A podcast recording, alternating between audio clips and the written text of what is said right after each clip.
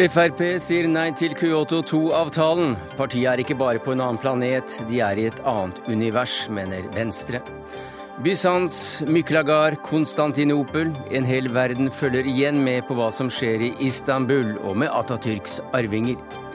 Det blir vanskelig å sitte i regjering uten å få kutte i innvandringen, varsler Frp. Flere av partiets forslag strider mot internasjonale konvensjoner, svarer Tetzschner i Høyre.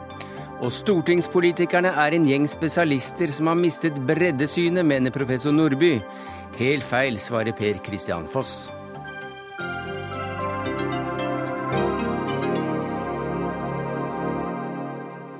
Ja, Det er noen av sakene i Dagsnytt 18 denne onsdagen, hvor vi også får besøk av en norsk forfatter som eh, selger eh, bra, rundt 17 millioner, og det før den siste, som ifølge anmelderne er hans beste. Men vi starter eh, med at det er verdens miljødag i dag, så klima- og energipolitisk talsmann i Frp, Per-Willy Amundsen, gratulerer med dagen. Gratulerer med dagen. Frp markerer dagen ved å si nei til Kyoto 2-avtalen. Hvorfor gjør dere det? Eh, nå er det vel ikke bevisst handling at det er akkurat i dag at vi vedtar det. Eh, det har litt med når regjeringa sender over saker til Stortinget. Tilfeldig? Eh, det er nok helt tilfeldig. Men eh, det jeg kan si, eh, er at eh, årsaken til at vi har landa på et nei, er mye godt den begrunnelsen som, som Jens Stoltenberg har uttalt tidligere, i 2011 sist. Nemlig det at en avtale som omfatter mindre enn 15% av verdens samla klimautslipp er altså, eh, har ikke noe for seg. Derfor Meningsløst var vel ordet han brukte den gangen. Ja, og Derfor sier de også at det da er symbolpolitikk. Men ja. det har fått dere i Venstre i en pressemelding til å skrive at uh, Frp ikke bare befinner seg på en annen planet, men i et helt annet univers. Og hva mener dere med det, uh, Guri Melby? Eh, nei, jeg må jo si at det her er en litt sånn merkelig dag, da. For det er jo som programlederen påpekte, verdens miljødag. Og senest i dag kom det jo også en ny rapport som bekrefter at klimaendringene er Eh, ja, kanskje verre enn vi tror, at det kan bli vanskelig å oppnå togradersmålet. I alle fall hvis vi ikke setter inn noen kraftige tiltak med en gang. Eh, og det er klart, Kyoto-avtalen er det eneste internasjonale virkemidlet vi har i dag som har en sjanse til å fungere, og som har en sjanse til å bidra til å få ned utslippene. Ren symbolpolitikk? Nei, altså, hvis vi hadde sittet her og kunne valgt mellom én klimaavtale som inkluderte 30% av utslippene, og en annen på 15% så ville jeg også gått for den som inkluderte flest land. Men nå er det sånn at enten så har vi Kyoto 2, eller så har vi mm. ingen internasjonal klimaavtale. Og Frp pleier også å si at det bare er symbolpolitikk å drive med innenlandskutt. Men når de heller ikke vil ha en internasjonal avtale, eh, så lurer jeg på hva slags univers de befinner seg i. Ja, altså bare for å, for å, gjøre det helt klart. Eh, vi er for en internasjonal bindende avtale så fremst det å innbefatte de store utslippslandene. Altså det være Kina, USA osv. Da er vi også for det. Men poenget er det er mulig at eh, Venstre mener at jeg og andre i Frp befinner oss i et annet univers, men i så fall så er det veldig mange av oss her. For det er altså sånn at det store flertallet av verdens land de ratifiserer ikke Kyoto-avtalen. Kyoto 2. Og Det er nettopp det som er poenget. Altså, dette er en avtale som omfatter utenom EU eh, og eh, Kasakhstan og Hviterussland, og for å ikke glemme Liechtenstein, mm -hmm. så er det altså det er svært få land eh, som stiller seg bak mm. den. Og da blir den så smal at jeg tror at det faktisk er reelt problemstilling at denne avtalen i sin svakhet faktisk står foran det som kunne ha vært en internasjonal bindende avtale. Poenget er, at, eh, poenget er, at, noen land må gå foran. og Vi får ikke noe Kyoto 3 hvis ikke vi har noe Kyoto 2. og Sjansen blir bare mindre for å få med de store landene hvis Norge også sier nei. Men Kyoto 2 kan stå i veien for en bedre avtale, nei, hører du? Det argumentet holder ikke i det hele tatt. Hvorfor ikke det? Nei, altså, det her er jo et sånn evig prosess, de her klimaavtalene, for å få på plass. Eh, der man møtes og har store konferanser og blir enige om en del kriterier. Eh, og det er en, det er en sånn prosess som stopper opp hvis at vi ikke får en avtale i det hele tatt. Eh, så Kyoto 2 mener jeg er et godt grunnlag å bygge på for å få en mm. bedre klimaavtale og mm. for å inkludere flere land. Og det å si nei, det vil være et skritt tilbake. Jeg mener at det resonnementet du bruker der, det kan du også snu på. Fordi at eh, det som skjer nå, er det at presset på USA på Kina og andre blir egentlig mindre. fordi at de kan peke på Kyoto 2 og si at ja, men se her, det er en avtale. Noen har blitt enig. Riktignok ikke oss, kan de si, men noen er blitt enig. Og Dermed så er også presset mindre nå enn det ville ha vært dersom vi ikke hadde en avtale. Og så er det bare å si det også. Eh, Kyoto-protokollen fra 1997 den oppfatta altså rundt 30% av verdens samla utslipp. Vi er under halvparten av der vi var. Og Det, det, det mener jeg vi som, eh, som, land må ta inn over oss. Og Hvis vi da skal pålegge oss sjøl ytterligere mer restriksjoner som vil gå utover næringslivet, vil det ha betydning? Ja, ikke sant? Mm altså er altså faren for klima, eh, altså for eh, karbonlekkasje, desto ja. større. Det, det, er faktisk, det, det, det, var en som, var med å forhandle fram Kyoto 2, og det var deg, eh, Bård Vegar Solhjell, som eh, miljøvernminister i, i, Norge. Men nå hører vi også en offensiv Frp-er som vil ha mye større og bredere og mer omfattende avtale. En utålmodig Amundsen som sier at dette er bare ikke nok, og kanskje står denne avtalen i veien for en bedre. Ja, jeg, jeg hører det jeg finner det litt lite troverdig, siden han er uh, skeptisk til om problemet fins uh, mot norske tiltak mot denne avtalen. Men kanskje jeg skal si to ord om hvorfor den er så viktig. Ja, Du kan heller si hva du syns om det utspillet, at han faktisk vil ha en enda bedre, strengere og mer omfattende avtale, slik vi hører han si nå. Det er jo det målet Norge har, ja. en bred internasjonal avtale. La meg forklare hvorfor Kyoto 2 ikke står i veien for det, men tvert imot er nødvendig for å komme dit. Vi forhandla den avtalen i Doha for et halvt år siden, men verden ble enige om i Sør-Afrika for et og et halvt år siden at vi skulle ha den. Da ble man enige om en, en, deal kan du si, med verdens land. Rike land skulle først inngå en ny Kyoto 2-avtale, ta på seg den byrden. Mot det så skulle land som India, Kina, Brasil, Sør-Afrika bli med på at vi til 2015 skal forhandle en brei avtale der òg alle u-land er med. Så det, hvis vi skulle gjort det Fremskrittspartiet nå sier, så ville det vært et drømmescenario til verdens brakstreverske land. Mm. Nemlig at vi allerede nå bryter vår del av dealen. Da kan de lene seg tilbake igjen og si ja, men dere i Norge dere tok ikke ansvar. Da gidder ikke vi heller.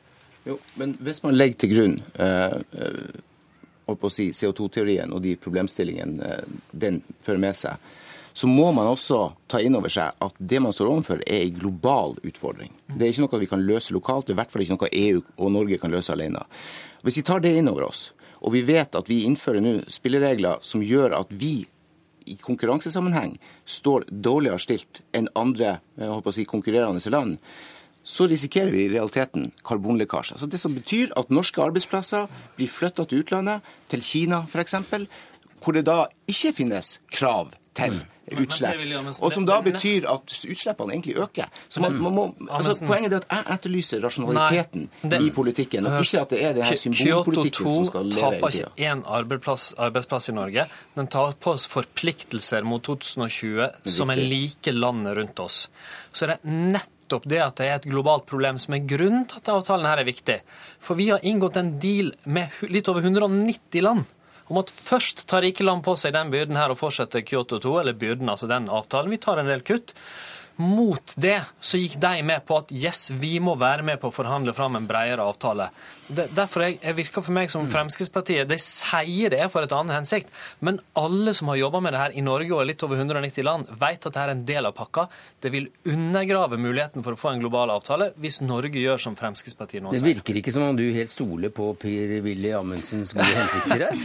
du, jeg har et utmerket godt forhold til sånn på det personlige plan til Per-Willy Amundsen. Nå snakker vi politikk. Men sånn, ja, nei, men la oss bare si det som det er. Han han bruker jo all sin taletid om klima til å så tvil om problemet, være mot tiltak og, og si sånne ting som CO2-teorien, om noe resten av verden er enig om er et stort problem. Og så må jeg bare si Nei, det blir ikke Amundsen, du har jo kanskje noe å forsvare. Jeg syns man sår mer tvil enn man har grunn til. For det første, det er veldig klart i Fremskrittspartiets program, det forrige og det nåværende, at vi vil støtte en internasjonalt bindende avtale som er brei det er forutsetninga. Så der er det ingen tvil. Men det er heller ingen, ingen, tvil om at vi i det samme programmet sier klart og tydelig at eh, ja, vi legger til grunn at mennesker påvirker klimaet, og de aktivitetene vi gjør, kan påvirke klimaet rundt oss. Problemstillinga er, og det er fremdeles der forskninga er i dag, at eh, man ikke, klarer, ikke helt klarer å, å, å, sette eh, forholdet mellom det som er naturlige klimatiske variasjoner som alltid skjer rundt oss i naturen, og det mennesket bidrar med. Og det, og det, og det er jo en stor debatt. Ja. Nå har det kommet masse rapporter, særlig de siste månedene, som tyder på at man kanskje har overdrevet. Laga litt for mye skrekkscenario. Særlig har jo SV bidratt til det, men nærmest å fremstille som vi står overfor dommedag. Den det scenarioet er sannsynligvis ikke riktig. Og da kan vi gå inn på realitetene. Ja, vi tar dette på høyeste alvor, men la oss i hvert fall diskutere det ut ifra en rasjonell tilnærming. Altså, sånn som situasjonen er nå, så er det seks partier på Stortinget som støtter en internasjonal klimaavtale, og at Norge skal si ja til den. og Det er jeg jo veldig glad for. Og Det viser jo at det er et stort flertall på Stortinget også som aksepterer at eh, klimaendringene er menneskeskapt. Men det som vi må huske på i denne debatten, her, det er jo at ingenting er gjort med å signere denne avtalen. For det den avtalen går ut på, er jo at vi forplikter oss til en del utslippskutt sammen med andre land. Eh, og I dag så fikk vi jo høre det at Norge ikke har oppfylt sin del av Kyoto 1, der vi forplikta oss til å ikke øke noe mer enn 1% men der vi faktisk har økt med 6 eh, Så Derfor så er det også viktig at vi ikke bare nå sier ja til en Kyoto 2, men at vi også får en regjering som er villig til å gjøre noe og sette inn tiltak som gjør at vi får ned utslippene. Og Da trenger vi en ny regjering. Ja, nettopp. Så det du, det vil ha, du vil ha kvitt den, du vil kvitt den regjeringen som ikke har oppfylt kriteriene eller, eller løftene i Kyoto 1. Og så vil du ha en mye mer slagkraftig regjering, men da får du jammen Amundsen med på slepet. Hvordan altså, går det da? Nei, altså Min hovedmotivasjon for å stille til valg det er for å få en ny og bedre klima- og miljøpolitikk. Og det er helt åpenbart at vi ikke får det med Per-Willy Amundsen, men vi får det med Venstre i regjering, sammen med Høyre og KrF. En blå-grønn regjering der Venstre har god innflytelse. Men ikke med Frp, altså? Nei, altså Vi får jo bekrefta det i dag. at jeg tror valget bør bli mye enklere da, for Høyre når det gjelder valg av regjeringspartner, ja. hvis de mener at miljø og klima er viktig. Da bør de velge å gå i regjering sammen med Venstre og KrF. Du, vi hørte KrFs eh, Kjell Inge Ropstad sa i Politisk kvarter i dag i en debatt uh, som du også var med i, at han savnet Ketil Solvik-Olsen som FrPs miljøpolitiske talsmann. er, det, er det personavhengig hva, hva Nei, slags politikk Frp velger i klimaspørsmål? På ingen måte. Jeg og Ketil Solvik-Olsen er svært enige om dette rettene, eh, og vi sier eh, nøyaktig det samme. Det er bare at vi kanskje ordlegger oss litt ulikt. Det tror jeg har litt med hvor vi kommer fra av landet enn en, en noe som helst annet. Men la meg bare understreke én ting. for Her prøver man å fremstille som om Fremskrittspartiet ikke med på noen som helst slags klimatiltak. Det er jo ikke riktig. Vi var ikke langt unna å bli enig i klimaforliket, der de rød-grønne partiene gjorde hva de kunne for å forhindre enighet. Men vi har et litt annet fokus, litt annet utgangspunkt når vi eh, snakker klimatiltak. For det første, det må ligge kost-nytte til grunn. Mm. Vi må gjøre de kuttene som, eh, som er mest eh, forsvarlige økonomisk sett, det er det ene. Og for det andre, vi aksepterer ikke at man skal bruke klima som påskudd for å gjennomføre forbud, påbud, restriksjoner øke skatter og avgifter, den type ting. Men det er altså masse positive klimatiltak man kan gjennomføre med god effekt. Soløy. Altså, Norge, for det første, Norge oppfyller Kyoto 1. Ja, mer enn det. Vi overoppfyller Kyoto 1. Så gjør vi masse som vi er blitt enige med Venstre og andre partier om. Men det er ikke nok. Det er et gulv. Enda mer må til. Derfor trenger vi en levende debatt i Norge om ytterligere klimatiltak. Problemet med en ny Høyre-Frp-regjering på høyresida at de vil sitte med daglige diskusjoner om sånt som det her. Skal vi gjøre det alle andre tar som en selvfølge? Er det egentlig et problem? Hvor alvorlig er det? De vil sitte i en evig saus av å snakke hverandre ned, mens det verden trenger, er enda mer radikale klimatiltak òg i Norge. Gratulerer med dagen, Bård Vegar Solhjell, miljøvernminister, Per-Willy Amundsen, klima- og energipolitisk talsmann i Frp, og Guri Melby, leder av Venstres programkomité og sentralstyremedlem.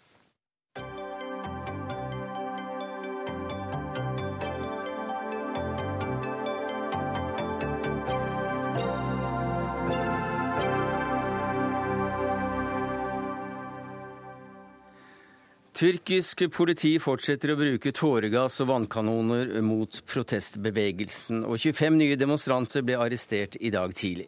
Dermed fortsetter altså demonstrasjonen i Tyrkia for sjette dag på rad. Og Midtøsten-korrespondent Sigurd Falkenberg Mikkelsen, du er i Istanbul. Eh, I går kom den tyrkiske regjeringen med en unnskyldning til demonstrantene. Vi har sett eh, film på BBC av politifolk som deler ut blomster til de samme. Eh, har dette endret situasjonen? Ja, Det har i hvert fall bidratt til å uh, altså De har i hvert fall ikke kastet mer ved på bålet. Uh, men jeg tror hovedproblemet for demonstrantene er statsminister Tayyip Erdogan. Og Han er jo på reise i Nord-Afrika. Det er mot han uh, sinnet rettes. og Det tror jeg har gjort noe med hans legitimitet som statsminister og hans posisjon her i Tyrkia. Så Det blir spennende å se hvordan han håndterer den situasjonen når han kommer hjem. Og Det virker på meg som disse unnskyldningene og uttalelsene som både president Abdullah Gull og visestatsminister statsminister Bulle Daric har kommet med, at det også er en intern misnøye med måten Erdogan har håndtert dette på. For de har jo på mange måter skapt seg en politisk krise her som svekker hele regjeringen. Hva kommer til å skje på plasser og torg i, eh, i Istanbul og andre steder i, eh, i, eh, i Tyrkia nå? Taksimplassen, er det, er det ventet at det blir en ny demonstrasjon? Ja, Der er det en permanent eh, demonstrasjon nå. Eh, og I dag har det vært eh, veldig god stemning. Det er jo mye demonstrasjonsglede her også. Det er mange som er stolte og, glede, og glade faktisk for endelig å få utløp for engasjementet sitt. og De føler at det er en seier at de får lov til å være der, og at politiet har trukket seg tilbake. Så i dag har det vært veldig god stemning med sang og dans og folk som slapper av. Så det har også vært mange fagforeninger i streik som har vært innom der. Men på kveldstid så har det vært konfrontasjoner hver eneste dag. og her i Istanbul foregår de et lite stykke unna selve Taksim-plassen. De foregår i Besjiktas-området, hvor statsministerboligen er. og Det er også uro i mange tyrkiske byer. og Vi har fått melding i dag om et eh, tredje dødsfall. Mm. Dilek Ayan, du, er, eh, du, har tyrkisk eh, familiebakgrunn. Du har jobbet mange år bl.a. med tyrkere her i Norge. Du følger tett med på det som skjer akkurat nå. Hva forteller venner og familie i, i Tyrkia om situasjonen? Jeg har snakket med veldig mange de siste dagene. Det har vært mye frustrasjon. De forteller også at uh, de som er i gatene, er vanlige folk uh, fra alle lag, men stort sett middelklassen, uh, og fra mange forskjellige grupperinger. De er opptatt av å fortelle meg at det store som tallet av demonstranter er fredelige demonstranter, selv om de bildene vi ser også gjenspeiler mange av de som da skaper hærverk osv. Så, videre. så de er opptatt av å få frem at det er mange som da står og demonstrerer fredelig. De er eh, så klart eh, veldig frustrerte i forhold til eh, det også jeg syns er veldig viktig. Da, at de føler at deres ytringsrett, eller rett til å ytre seg, blir begrenset. Eh, og, og eh, politiets håndtering av selve eh, ja, håndtering av demonstrantene de siste dagene har jo ikke vært så veldig bra. Og, og den volden har skapt mye sinne, da, som fortsatt er der, selv om nå politiet har gått ut og delt blomster. Og selv om deler av eh, Erdogan sin, eh, hva skal jeg si, sine menn har gått ut og sagt unnskyld, så tror jeg folk flest forventer å, å, høre fra han selv, og folk flest forventer at eh, Erdogan viser ledelse ved å, selv ta ansvar for de hendelsene som har skjedd, og beklage. Og jeg tror også at inntil han faktisk setter seg ned og lytter til eh, de som demonstrerer, hva de har å si, så vil, eh, hvis ikke det skjer snart, så vil disse demonstrasjonene bare fortsette. Ja, Ut fra hvem man treffer på, så får man ulike svar om hva som skal til før disse demonstrasjonene også kommer til å opphøre. Og hva slags, hva slags svar på akkurat det spørsmålet får du i Istanbul nå, Sigurd Falkenberg Mikkelsen? Jeg tror, altså, Det er jo blitt en grunnleggende eh, demonstra altså, en demonstrasjon som handler om veldig mye mer enn denne parken. Eh, men jeg tror det er viktig. Altså, at de viser tegn til å eh, i hvert fall gå inn i dialog med hvordan, hvordan Taksimplassen skal se ut, vil være et eh, viktig poeng. Eh, og så må det til en endring i, i stilen. Altså, de må føle at de blir eh, hørt. For det er noe det jeg hører mye fra demonstrantene. altså At de føler at de ikke blir sett, de blir ikke hørt. og at Erdogan styre på en måte som eh, splitter folk. Og det eh, de, føler de er eh, ikke en statsminister verdig. For det mange nå har fått med seg, det er altså at det hele begynte da forslaget om at en park skulle gjøres om til et stort kjøpesenter, skulle inn og behandles. Camilla Trud Nereide, du har doktorgrad i moderne tyrkisk historie. Og vi snakker altså om en statsminister som man krever unnskyldninger fra men en statsminister som er demokratisk valgt tre ganger. Hvem er han? Eh, Erdogan er jo en eh, mann som har eh, utretta store ting i de periodene han har sittet med regjeringsmakt i Tyrkia. Og det er veldig viktig at man ikke glemmer de sånn veldig fundamentale, positive samfunnsendringene som har skjedd i hans regjeringsperiode. Og det er jo veldig uheldig måten han nå har opptrådt på i denne saken, og måten politiet inntil nylig har oppført seg på, for det er selvfølgelig uakseptabelt. Men vi snakker samtidig om en, eh, om en regjeringssjef eh, som har bidratt til en eh, omfattende velferdsøkning for det breie laget av befolkningen. Blant annet har man økt investeringene i utdanning fra ca. 7,5 milliarder lire i 2002 til 34 milliarder i 2011. Alle provinser har fått egne universitet. Det rulles ut masse IKT-verktøy til skolene, 620 000 smartboard osv. Pluss at man har jobba med infrastruktur som vann, vei og opprusting av helsevesen og sånn. Ting som kanskje ikke er så politisk sexy, men som har stor betydning for folks dagligliv. Og som er en veldig stor del av forklaringen på hvorfor han har vunnet med stadig større flertall i de tre siste parlamentsvalgene. Forfatter og Tyrkia-kjenner Torvald Steen, du har jo møtt statsminister Erdogan, og hva slags inntrykk fikk du av ham? Jeg møtte ham første gang i 1995. Da var han borgermester i Istanbul. Han, da, jeg, da, møtte jeg han i egenskap av at jeg var leder av en norsk-svensk delegasjon med Norsk forfatterforeningen og Svenske Akademiet. Allerede den gangen var han en meget sterk og bestemt person med et stort temperament. Men uh, jeg syns jo at viktigst viktigste Og så møtte jeg han også seinere i Norge, uh, også da meget bestemt. Men det er ingen tvil i mine øyne om at eh, etter det siste valget så er han blitt rammet av det som veldig mange statsledere blir når det blir for mange fremganger. Altså at det blir rammet av hybris eller hovmot. Og jeg tror jo også at eh, personer i hans eh, nærhet syns han har godt av denne smekken, rett og slett. Som Abdullah Gül f.eks. og visestatsministeren. Men det som er veldig viktig, at hans popularitet, altså grunnen til at han slo igjennom i, først i Istanbul og seinere i Tyrkia, det er jo to veldig viktige ting han slo gjennom på først. Det var å vende seg veldig klart til folket. Og han var mot korrupsjon. Det er et svært viktig poeng. Og det er han I tillegg til at han er åpenbart arrogant for tiden, så er det et veldig faresignal for ham at vanlige mennesker som demonstrerer, og som kanskje faktisk forener den veldig brede opposisjonen, det er akkurat dette poenget at han er så nært knyttet til toppen av næringslivet. Og det er lett å mobilisere folks harme. Mm. Og uh, hans egen familie og uh, mange av hans venner tjener på hans utbygninger i de grønne områdene. Og det er det mange snakker om. Men jeg er helt enig med de to andre her at uh, vi kan ikke glemme hans utrolig sterke posisjon. Dette er noe helt annet enn oppstanden i Egypt og Tunis osv. Mm. Fordi dette er en, en, en, protest som går veldig mye på ham som person. Ja, Dileke Eian, vi, vi, så reportasjer på, på, TV tidligere i dag der protestantene sa at dette er ingen ny revolusjon, dette er ingen ny eller forlengelse av den arabiske våren. Så hva er det da? Det er bare Jeg er enig i at det ikke er det. Eh, det er en Tre som er omkommet? Ja, men det er, eh, det er, en, det er et uttrykk for en frustrasjon av å ikke bli hørt.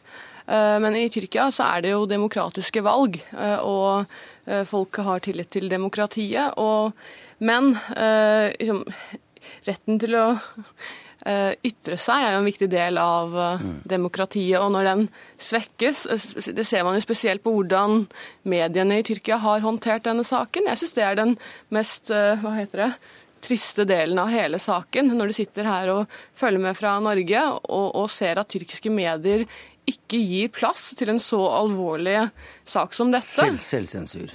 Det er selvsensur. Eh, og da skjønner du at det er nære og tette bånd der det kanskje ikke burde være det.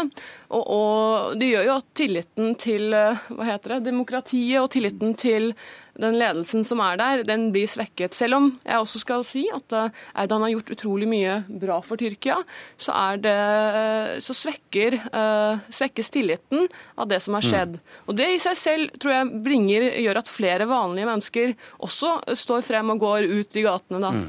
Nereid, vi hører jo da at uh, dette forslaget om å gjøre det vanskeligere, eller lov, lovforslaget om å gjøre det vanskeligere å kjøpe alkohol på kveldstid, er en av grunnene Eh, hva er det for noe? Ja, hva er det for noe? Hva er det symptom på, eller hva sier det?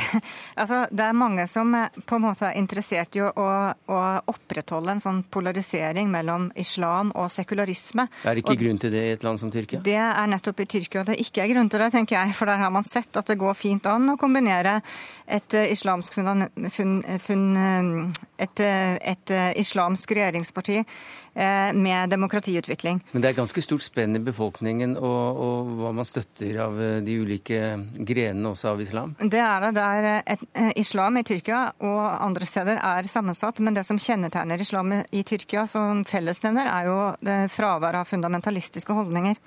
Og når du nevner det med alkohol, så har man da altså foreslått å forby salg av alkohol i butikker Eh, altså vanlige butikker, kiosker, spritbutikker, mellom klokka ti om kvelden og seks om morgenen. Det er fortsatt lov å selge sprit hver eneste dag. Eh, barer og restauranter er ikke rammet av det her. Og så vil man ha forbud mot alkoholprodusentreklame på idrettsarrangementer. Det får jo Norge til å framstå som eh, Jeg vet ikke hvordan jeg skal karakterisere det. Men det er jo fortsatt en mye mer liberal alkohollovgivning enn det vi har mm. levd ganske godt med i Norge i mange år, da. Torvald Steen, du er jo opptatt av dette landets uh, historie. Uh, helt fra Bysants tid. Hvordan, eller reflekterer i det hele tatt det vi ser nå, noe av den enorme storhetsperioden som, eh, som vel mange tyrkere må sitte igjen og, og føle seg som en del av. Altså det hele ottomanske riket varte jo i 500-600 år, eller hvor mange år? Ja da. Det er, det er fra det er en lang, lang periode, men vi må huske på at den tyrkiske nasjonalstat den er et kraftig brudd med nettopp det osmanske riket.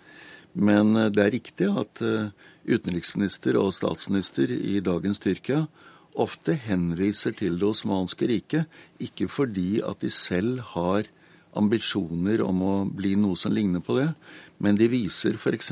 til europafokuseringen. Da viser de ofte til Det osmanske rikets periode.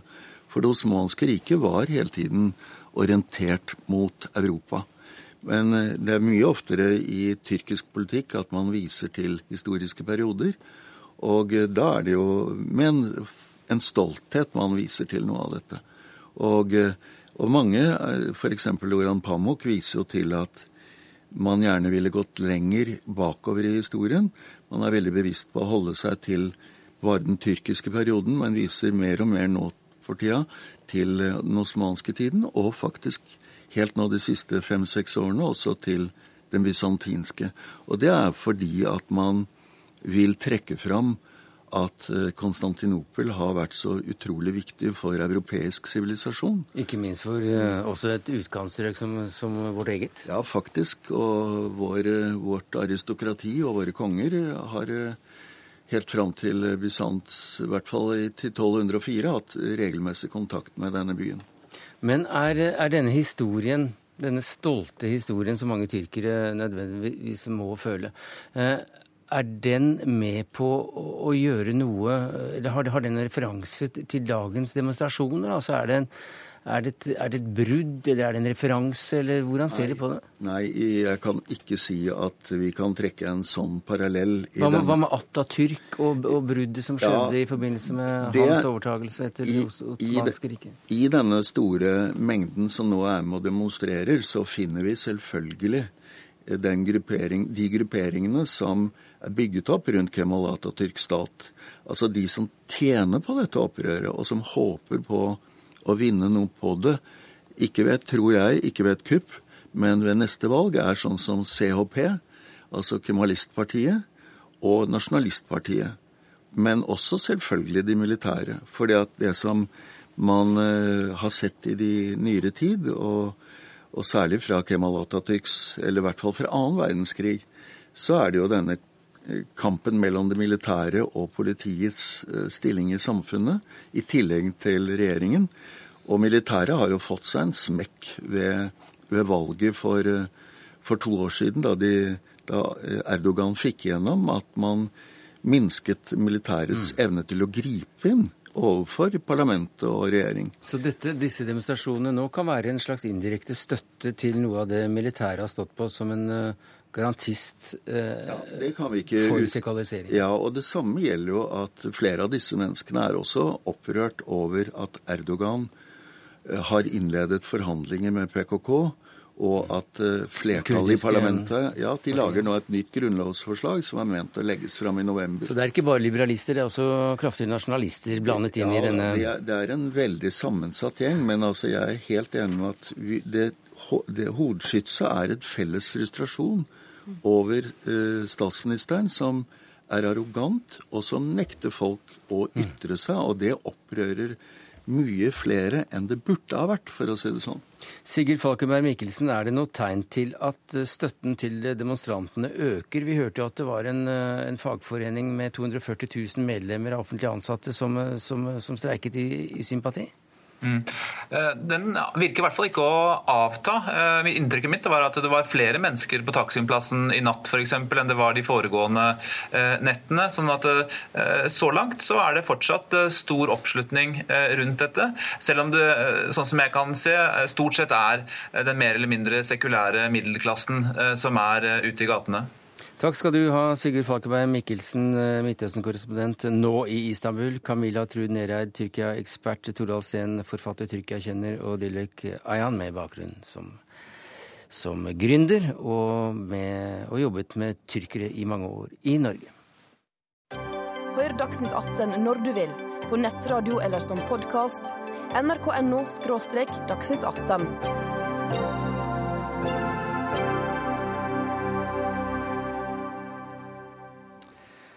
Frp vil ha omfattende innstramninger i innvandringspolitikken, og vi skal komme tilbake til om partiet setter dette som et ultimatum for å delta i en eventuelt kommende regjering.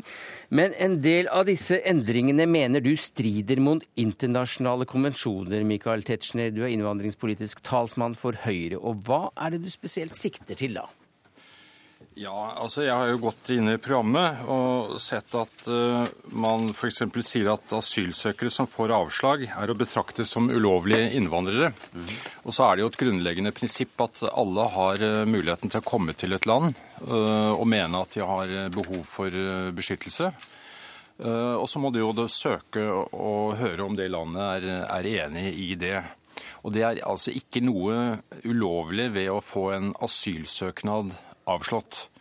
Og skal man si dette er, det er måten man formulerer seg på, men det har betydning. fordi hvis man likestiller folk med avslåtte uh, asylsøknader med ulovlig innvandring, så gir det selvfølgelig politiet uh, inngrepshjemmel, slik at man da kan uh, interneres og, og, utvises. Og dette, dette, er mot internasjonale konvensjoner? Ja, og så er det også det andre, en del andre punkter. Jeg bare tar det. Dette at man vil eh,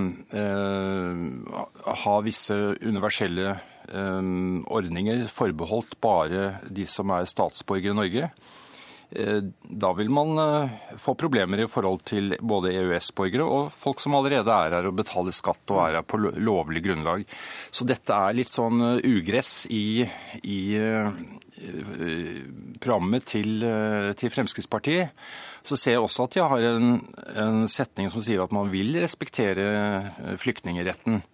Men, men da kan man ikke opprettholde den formuleringen man har på visse andre punkter. Hva sier du til dette? Er du klar til å luke bort eh, slikt ugress, innvandringspolitisk talsmann i Frp, Morten Ørsal Johansen? Vi har ikke noe ugress i vårt partiprogram. Eh, når, når Tetzschner nå sier at vi bryter internasjonale konvensjoner og, og avtaler, så, så, er det fundamentalt feil. Mm -hmm. Han kan påstå at vi gjør det.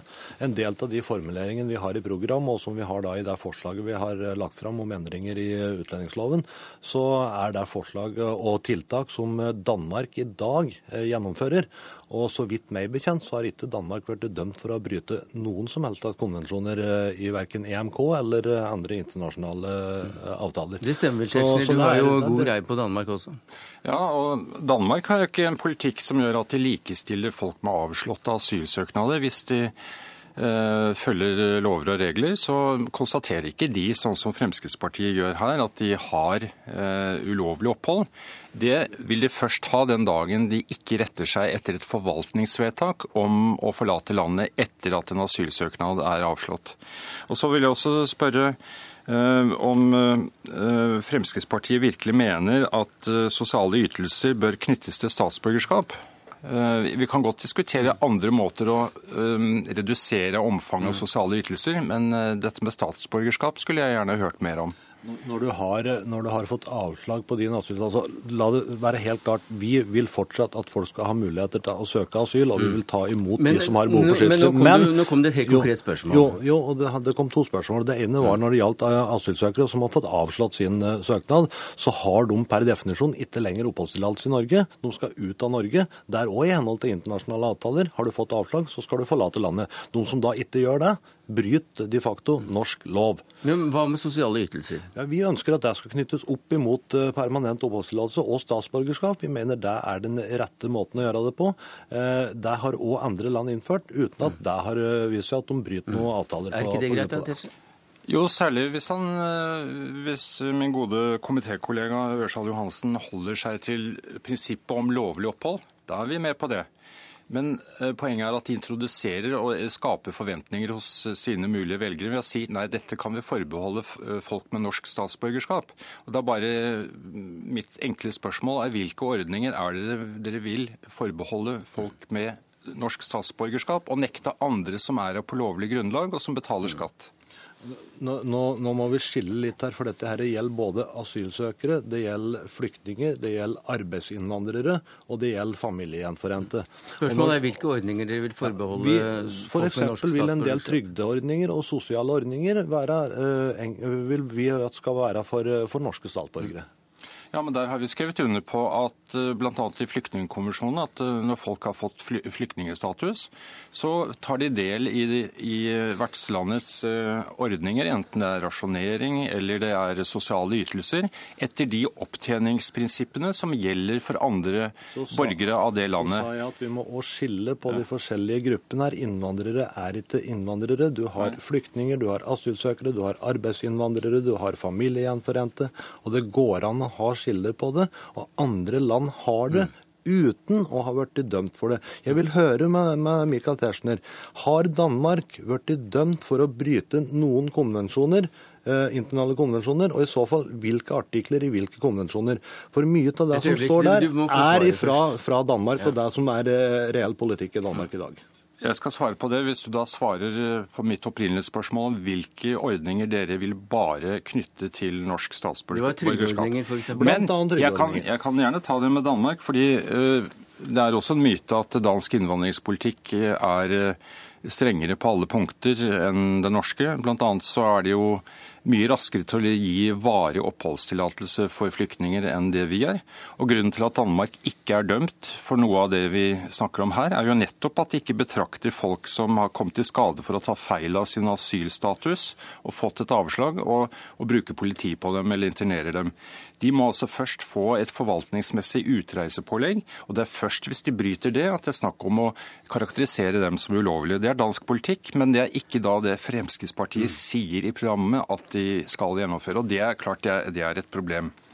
Det, et, det, kan jo være et problem når vi går i forhandlinger, og, og når Michael Tetzschner og, og, Høyre skal uh, spikke flyser på det meste. Ja, men altså, som jeg sier Et øyeblikk siden du nevnte, siden var du som tok opp regjeringsforhandlinger. Hvor viktig er innvandringsspørsmålet når dere skal inn i disse forhandlingene? Uh, innvandrings- og integreringspolitikken er en av de uh, hovedområdene som vi har, går til valg på nå. og Derfor er det viktig for oss å få gjennomslag i, i innvandringspolitikken. Det blir svært det vanskelig å sitte i en regjering der de ikke får gjennomslag i innvandringspolitikken, sier du til Dagbladet. Ja, det er, det er klart det. Altså, dette har med hva som skjer i, i de forhandlingene. Nærmer seg veldig et ultimatum? Nei, det er ikke et ultimatum. Så det er altså, til forhandling, det er en forhandlingsrom her? Altså. Hvis vi ikke får gjennomslag i vår innvandringspolitikk, så må vi vurdere et regjeringssamarbeid. Hvis ikke vi får gjennomslag i vår samferdselspolitikk, så må vi vurdere om det er verdt så, å gå i regjering. Så innvandringspolitikken er ikke viktigere enn andre deler av politikken, f.eks. samferdselspolitikken? Nei, altså vi likestiller alle politiske områder. For oss er, er, er, det, er det, Fremskrittspartiets program som, mm. er, som er viktig, og vi vil ha gjennomslag for mest mulig av det. Og så har vi da enkelte områder som vi antageligvis vil prioritere prioritere høyere i forhandlinger. Ja, hva Er det Er det innvandringspolitikk f.eks.? Der får, være, der, får, der får den nye stortingsgruppa da ta stilling til, og så får det være opp til ledelsen i partiet om eh, hva de vil eh, prioritere ut ifra de signaler de får fra stortingsgruppa. Hvordan eh, leser du dette, Tetzschner? Jo, altså, nå har jo Ørsal Johansen sittet i Stortingets kommunalkomité, og det er vi som har innvandrerfeltet. Og jeg ser at i praktisk politikk, så etter at Arbeiderpartiregjeringen eh, har lagt uh, innvandringspolitikken over et mer realistisk spor, så er det veldig mye som, er, som det er bred enighet om. Og det har jo skjedd en, en, betydelig innstramming i norsk asylpolitikk, innvandrerpolitikk og flyktningpolitikk de siste årene. Og så får man da respektere at eh, noen partier da, for å opprettholde avstanden, eh, radikaliserer programmene sine litt. fordi hvis vi legger eh, Fremskrittspartiets program for inneværende periode ved siden av det de har vedtatt, så er det jo en del mer radikalt det de nå går på valg Så du ser ikke noe mørkt på eventuelle regjeringsforhandlinger med Frp og på innvandringspolitikken? Jeg tror at vi finner løsninger, fordi det er jo snakk om, og der, bare for å understreke det, at Høyre er ikke for noe frislipp. Vi er ikke for at uh, man ikke har kontroll med hvem er, som kommer og går i landet. Men, men, det du, men, det du, sier forholdsvis kort mot slutten her, det er også at, uh, at, at folk som har fått opphold, skal kunne sendes ut av landet når forholdene i hjemlandet har bedret seg. Det reagerte du særlig på? Ja, det, og det er direkte i strid med eh, både flyktningkonvensjonen fra 51 og ikke minst tilleggsprotokollen fra 67. Og det betyr jo nettopp at man ønsker at flyktninger som er lenge i et land, de skal få lov til å eh, ja, slippe å sette livet sitt på vent. De skal få anledning til å delta i arbeidslivet og kanskje stifte familie. Så da må jo også mitt spørsmål være, siden Fremskrittspartiet ikke har noe forbehold og sier at flyktninger skal hjem når grunnen til at de flyktet er borte, gjelder det folk som kom i forbindelse med Ungarn-oppstanden, eller, eller, gjelder det uh, folk som har fått uh, varig opphold i det hele tatt, eller gjelder det bare folk med midlertidig opphold? Ganske kort på det. Skal du sende Jan Gabarek tilbake til Ungarn? De med midlertidig opphold, har du fått statsborgerskap i Norge, så er det en del av det norske folk. så Det skulle være mange. Det var ikke statsborgerskap, jeg snakket om varig opphold. Har du fått permanent opphold, noe vi da vil utvide oppholdstida til væretida i Norge på, så, så, eh, tar vi det også som en forutsetning at eh, når har, situasjonen har bedret seg i det landet, så vil du selvfølgelig være med å bygge opp at det landet du kommer fra, og, da, og da få, få, det landet på beina igjen. Men da syns jeg dere skulle skrive det inn i programmet, for da viser det seg at forskjellen mellom standpunktene ikke er så himmelropende forskjellige. Hvis man bare velger å være ærlig overfor velgerne og være nyansert og også være klar over at det er ytre grenser for hva Norge kan gjøre, både i EØS-sammenheng, når det gjelder FN-konvensjoner, og mm. når det gjelder eh, Den europeiske menneskerettighetskonvensjonen. Ja, da har vi igjen eh, som et eh, program helt litt olje på opprørt hav her. Det er vel en del av vårt mandat selvfølgelig i Dagsnytt 18. Takk skal du ha, Morten Ørsal Johansen, innvandringspolitisk talsmann i Frp. Michael Tetzschner, innvandringspolitisk talsmann for Høyre.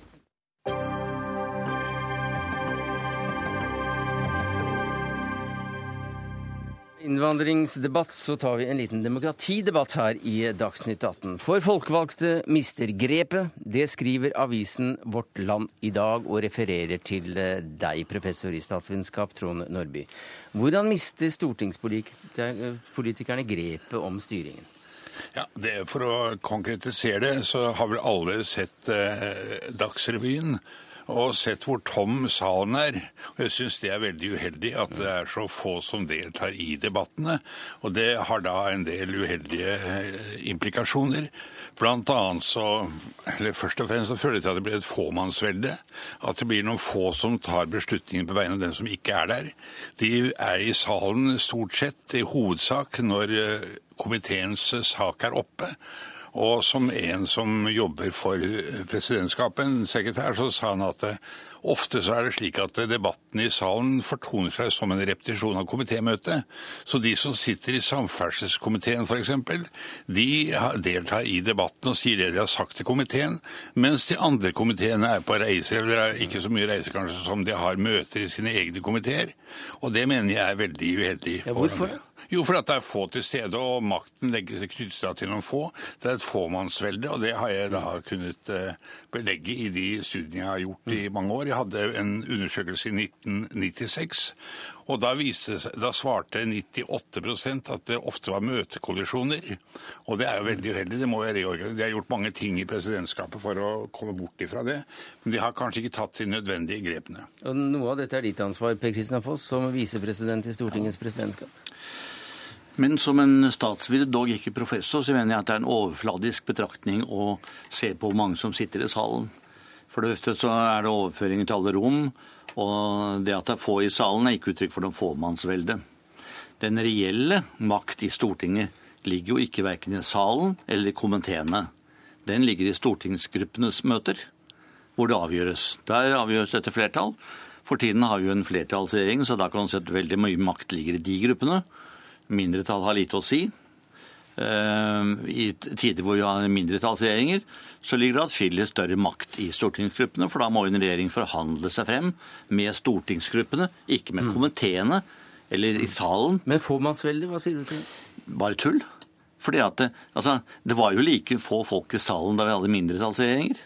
Da lå det mye mer makt i Stortinget. Altså Antall observerte i salen er ikke et uttrykk for hvor mange som styrer. Vi har faktisk, eh, i motsetning til f.eks. i Sverige, har vi en grunnlovsbestemmelse som sier at enhver votering så må det være et, et, et, et eh, mer enn 50% av de innvalgte til, til stede. Mm. I motsetning til f.eks. Sverige, hvor de kan sitte og votere med et par stykker i salen. Eh, og hvor de kan åpne møtet uten mer enn to-tre stykker til stede. Bare tull, Nordby. Nei, de kan stemme blankt i Sverige. Det er greit, det er, helt, det, er helt, det, er, det er helt annet. ja. Men eh, det er, eh, det er, når jeg velger noen til å sitte på Stortinget, så håper jeg jo eh, at de skal delta i debattene. Jo, men det er ikke fåmannsvelde av den grunn? I komiteene så vet jo det, det er lukket. Men så det, og Når Per Kristian Foss sier at det er det Høyre, så kan det godt hende han har rett i det. Men det er klart at det, det er slik at det er veldig få som Jeg sitter også spørsmålet i 1996 om de var tilfreds med den måten de satte seg inn i sakene i andre komiteer på. Så var det ett parti som sa at de var tilfreds med forberedelsen i alle komiteer, og det var i KrF. Mm. Men, men vi, har, vi, vi, har ikke, vi, har ikke, KrF med oss. Men, men hvorfor også vi tar opp denne saken i dag, det er fordi at du Eh, har kalt da stortingspolitikere at de er blitt en gjeng med sektorspesialister som har mistet breddesynet. Ja, nettopp. Der, og der støtter jeg en annen høyremann som har gått ut av Stortinget og skrev en artikkel og en bok hvor han da påpekte nettopp det som jeg sier, Georg Apenes. Han sa det at representantene ser ikke skogen for bare trær. De er så opptatt av den komiteen de sitter i, at de vet ikke og det, Som jeg sa, så var en undersøkelse de gjennomførte i 96. Ja. Så svarte veldig mange fra alle partier unntatt KrF. Så det var da en positiv uh, uttalelse om KrF. Og ikke der, så svarte de at uh, vi uh, er lite tilfreds med den måten vi har satt oss inn i arbeidet i de andre komiteene på. Og hvem blir da ansvarlig for å formulere et standpunkt? Det åpner for at makten samles i noen få som er trendsetter i de viktige sakene i partiene for standpunktene. Det kan nok ha noe rett i, at i partigruppene er det noen få som er mer ledende enn andre. Det tror jeg er i alle grupper. Sånn tror jeg også er på universitetet. Faktisk, og i alle store organisasjoner. Selv i NRK tror jeg sjefen har, har mer å si enn herværende programleder, om jeg tør være så uærbødig. Så det gjelder også i stortingsgruppene. Men jeg er helt uenig at Stortinget har utviklet seg i retning av mer spesialister. De fleste er allmenne politikere. De fleste kommer inn på Stortinget og sitter i helt andre komiteer enn det de har eh, ønsket seg. De fleste ønsker seg, eh, når de kommer inn på Stortinget, transportkomiteen. Altså Skulle alle fått sitt primære ønske oppfylt, så hadde halve Stortinget sittet der. Så du er ikke redd for at Det gjør de som kjent ikke. Du, du, er ikke redd for at vi mister bredden her? Nei, fordi at du, du, du vil alltid havne i kommentarer der du ikke er spesialister. Det er det, det er det, typiske. Ikke være spesialist. Og du flyttes på fra komité til komité. Eh, det er sjelden man sitter mer enn to perioder. Jo, det skjer jo veldig ofte. Vi vet at det skjer veldig ofte. Ja, det skjer, men jeg sier det er sjelden statistisk sett at man sitter mer enn to perioder. Og de har de samme budsjettpostene som de er spesialisert på, og de samme typer lover. Nei, det har man ikke nødvendigvis. fordi at eh, stortingsflertallet varierer jo fra periode til periode. Og da, da, da skifter også hva har et saksordfører ansvarlig for. Så det er ikke en riktig observasjon. Og jeg har sittet og observert dette nå i 32 år. Så jeg mener jeg har et visst belegg for det. Jeg tror nok at Georg Apenes kan ha et annet syn. Men jeg tror kanskje at jeg har et, en lengre periode å betrakte enn han hadde. Og jeg tror det er mer typisk enn han var. Så du mener at det har endret seg siden Georg Apenes dager? Og dessuten nei, er det mener, nei, en rekke undersøkelser som er gjennomført med spørreundersøkelser. og der svarer alle. Georg, Apenes ikke var typisk. Ja. Jeg har en svarprosent i den undersøkelsen som jeg refererte til, på 72 av de som svarte. Og da får du et inntrykk av hvordan de Jo, men hva, hva, hva, hva var spørsmålet ditt? Du spør om føler du at du har tilfredsstillende innsikt i alle saker. Nei, det skulle bare mangle at man kan svare ja på det. Men, det men Nordby, jeg må nesten komme som programleder her og, og stille deg spørsmål. Hva slags typer er det du da savner? Eh, Allround-politikeren Som som, tar eh, eksempel i gamle dager? Som tar eh, en, Har noen fører en argumentasjon. Ja, jeg kan godt føre en navn. Det er mange store personer som jeg ser opp til gjennom tidene, som f.eks. Finn Gustavsen, som ikke kunne noe særlig om finanspolitikk da han kom på Stortinget, og som forberedte seg å, å satse inn i sakene på en aldeles utmerket måte. Og vi har f.eks. en annen som eh, tilhører et annet politisk segment, som Carl I. Hagen, som ble en av de ledende og toneangivende. Og i dag så er Per Christian Foss og, And og Anders Anundsen i Fremskrittspartiet, så kjenner veldig mange som har Men de tilhører de få som da blir, som jeg kaller eliter i dag. Og det er de er da bestemmende påvirker veldig sterkt det som er eh, standpunktene. Og en sak som jeg kan nevne som eksempel, som jeg gjerne skulle vite hvordan du svarer på. Ja, men vi har ikke tid ta til- En enkel sak, en enkel sak og det er i en, et grunnlovsforslag om, eh, om innsettingsvedtak og oppløsningsrett, det kombinerte forslaget. I 2007 så stemte hele Frp og hele Arbeiderpartiet for. I 2012 så stemte de imot. Det er etter at stortingsgruppen har hatt en lang og inngående drøftelse av det. Og riktignok så er de i stortingssalen kanskje bare et par som snakker om saken. Men, men bak seg så har de hele stortingsgrupper som binder, eh, binder representantene. Så all makt er samlet I stortingsgruppene. Nei, det er Ja, i gruppene, men hvem er det som har makt i gruppene? Det er da spørsmålet vi kan eh, ta, og som vi har vært innom her, takket være deg, Trond Nordby, professor i statsvitenskap ved Universitetet i Oslo, og Per Kristian Foss, andre visepresident i Stortingets presidentskap fra Høyre.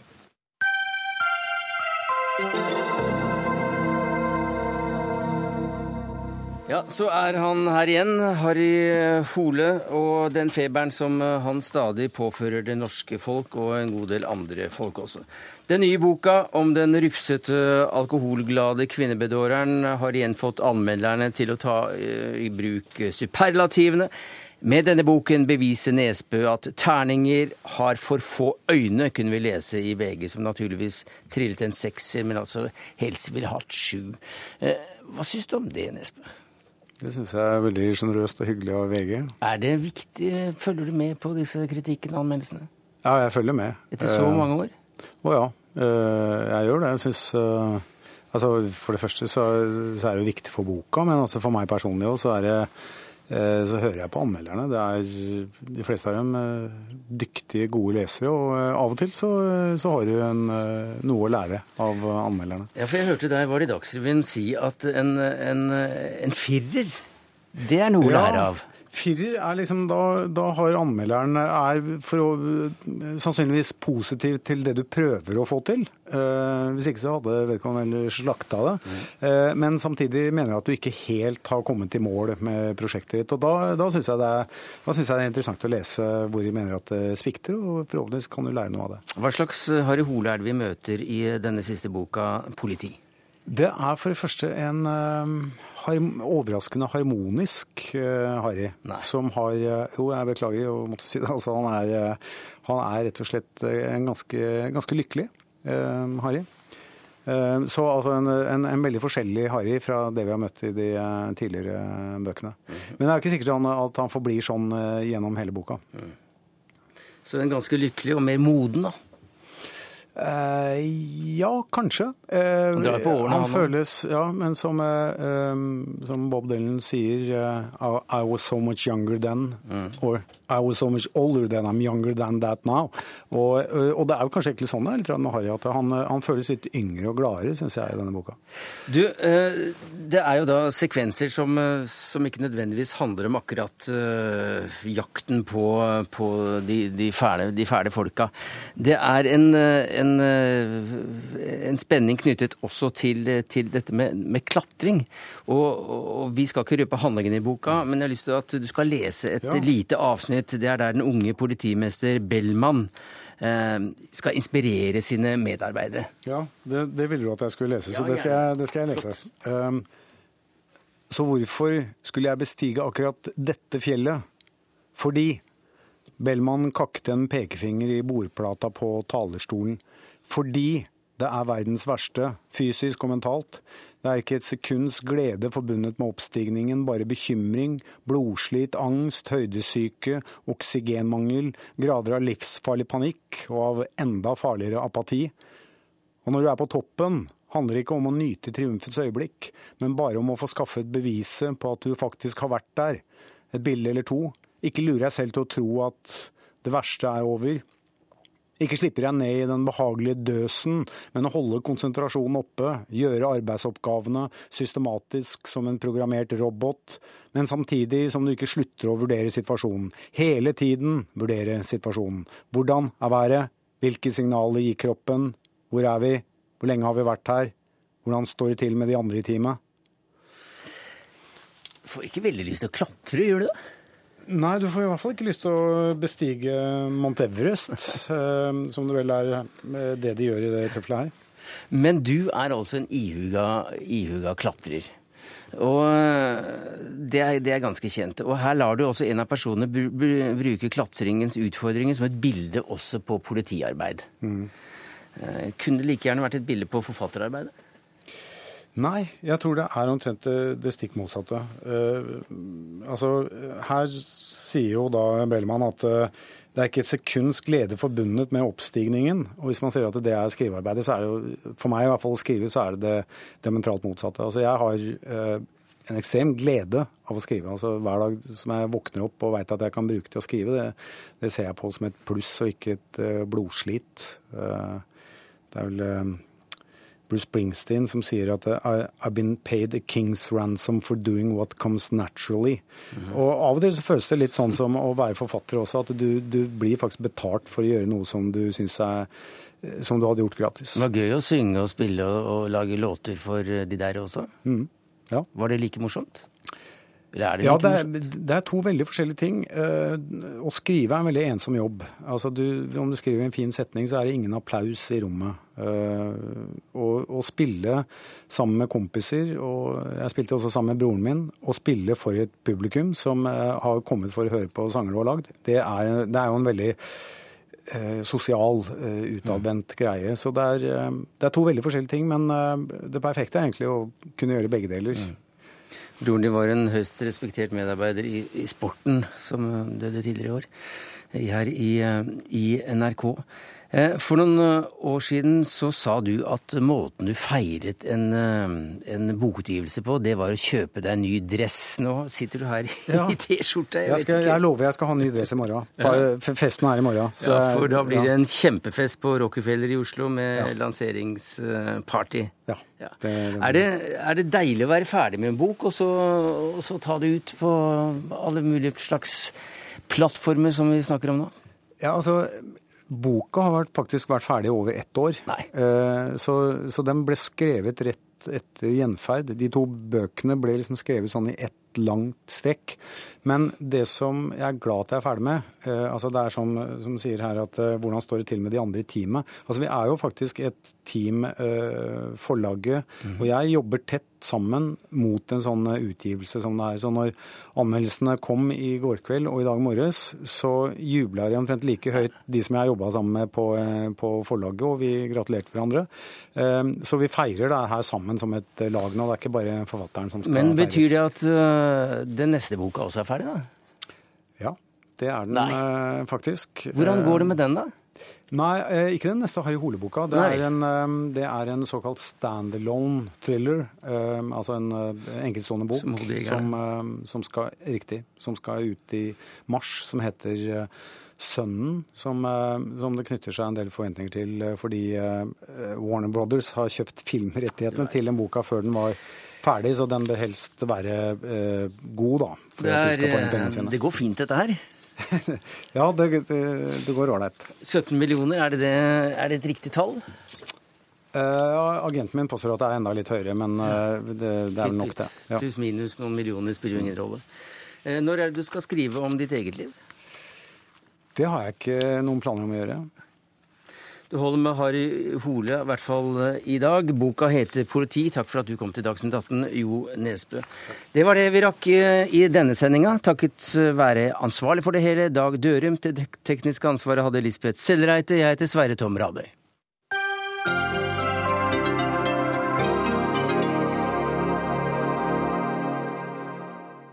Hør flere podkaster på nrk.no podkast.